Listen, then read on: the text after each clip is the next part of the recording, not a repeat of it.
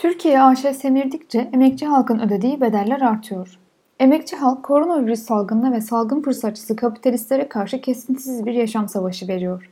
Nisan ve Mayıs aylarında ihracat devam etsin, kapitalistler karlarından olmasın diye sokağa çıkma yasaklarında bile sanayi işçileri tabur tabur fabrikalara gönderildi.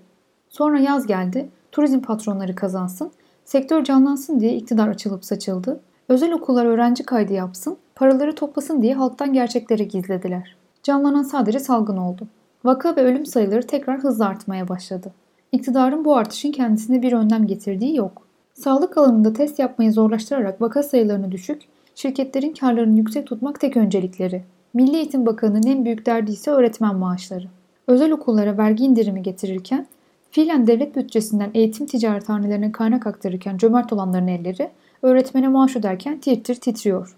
Yaz aylarında gıda fiyatlarında beklenen düşüş mutfaktaki yangını söndürmedi. Asgari ücretli yine açlık sınırının altında. Buğday, arpa, pirinç ithalatı salgın döneminde de artmaya devam ediyor. Erdoğan'ın söylemiyle Türkiye'yi anonim şirket mantığıyla yönetmenin sonu bu. Sağlık Bakanı özel hastane patronu, Milli Eğitim Bakanı özel okul sahibi, Tarım Bakanı Kanadalı patates tekelinin danışmanı olunca başka nasıl olsun? Son dönemde devletin kanatları altında büyüyen İngiliz Rolls-Royce ve FSNN şirketlerinin baş köşeleri kaptığı, Katar sermayesinin ortak edildiği sözüm ona yerli ve milli silah sanayi geri durur mu?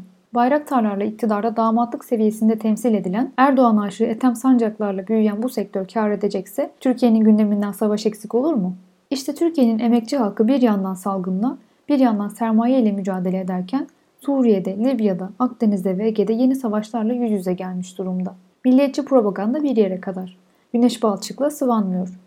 Suriye'de Rusya'ya karşı ABD ve İngiltere'nin vekalet savaşını yürüten, Libya'da Fransa'ya karşı NATO'nun desteğini almakla övünen, Ege ve Akdeniz'de Yunanistan'a karşı Almanya'ya güvenen iktidar, emperyalist para babası George Soros'un Türkiye'nin en önemli ihraç malı ordusudur lafının hakkını veriyor. İşte Erdoğan ve müttefiklerinin Türkiye AŞ projesinin geldiği yer. Sermayenin karı, emperyalistlerin çıkarı için bütün bir emekçi halk yoksulluk çekiyor, salgınla cebelleşiyor, canından oluyor, bedel üstüne bedel ödüyor.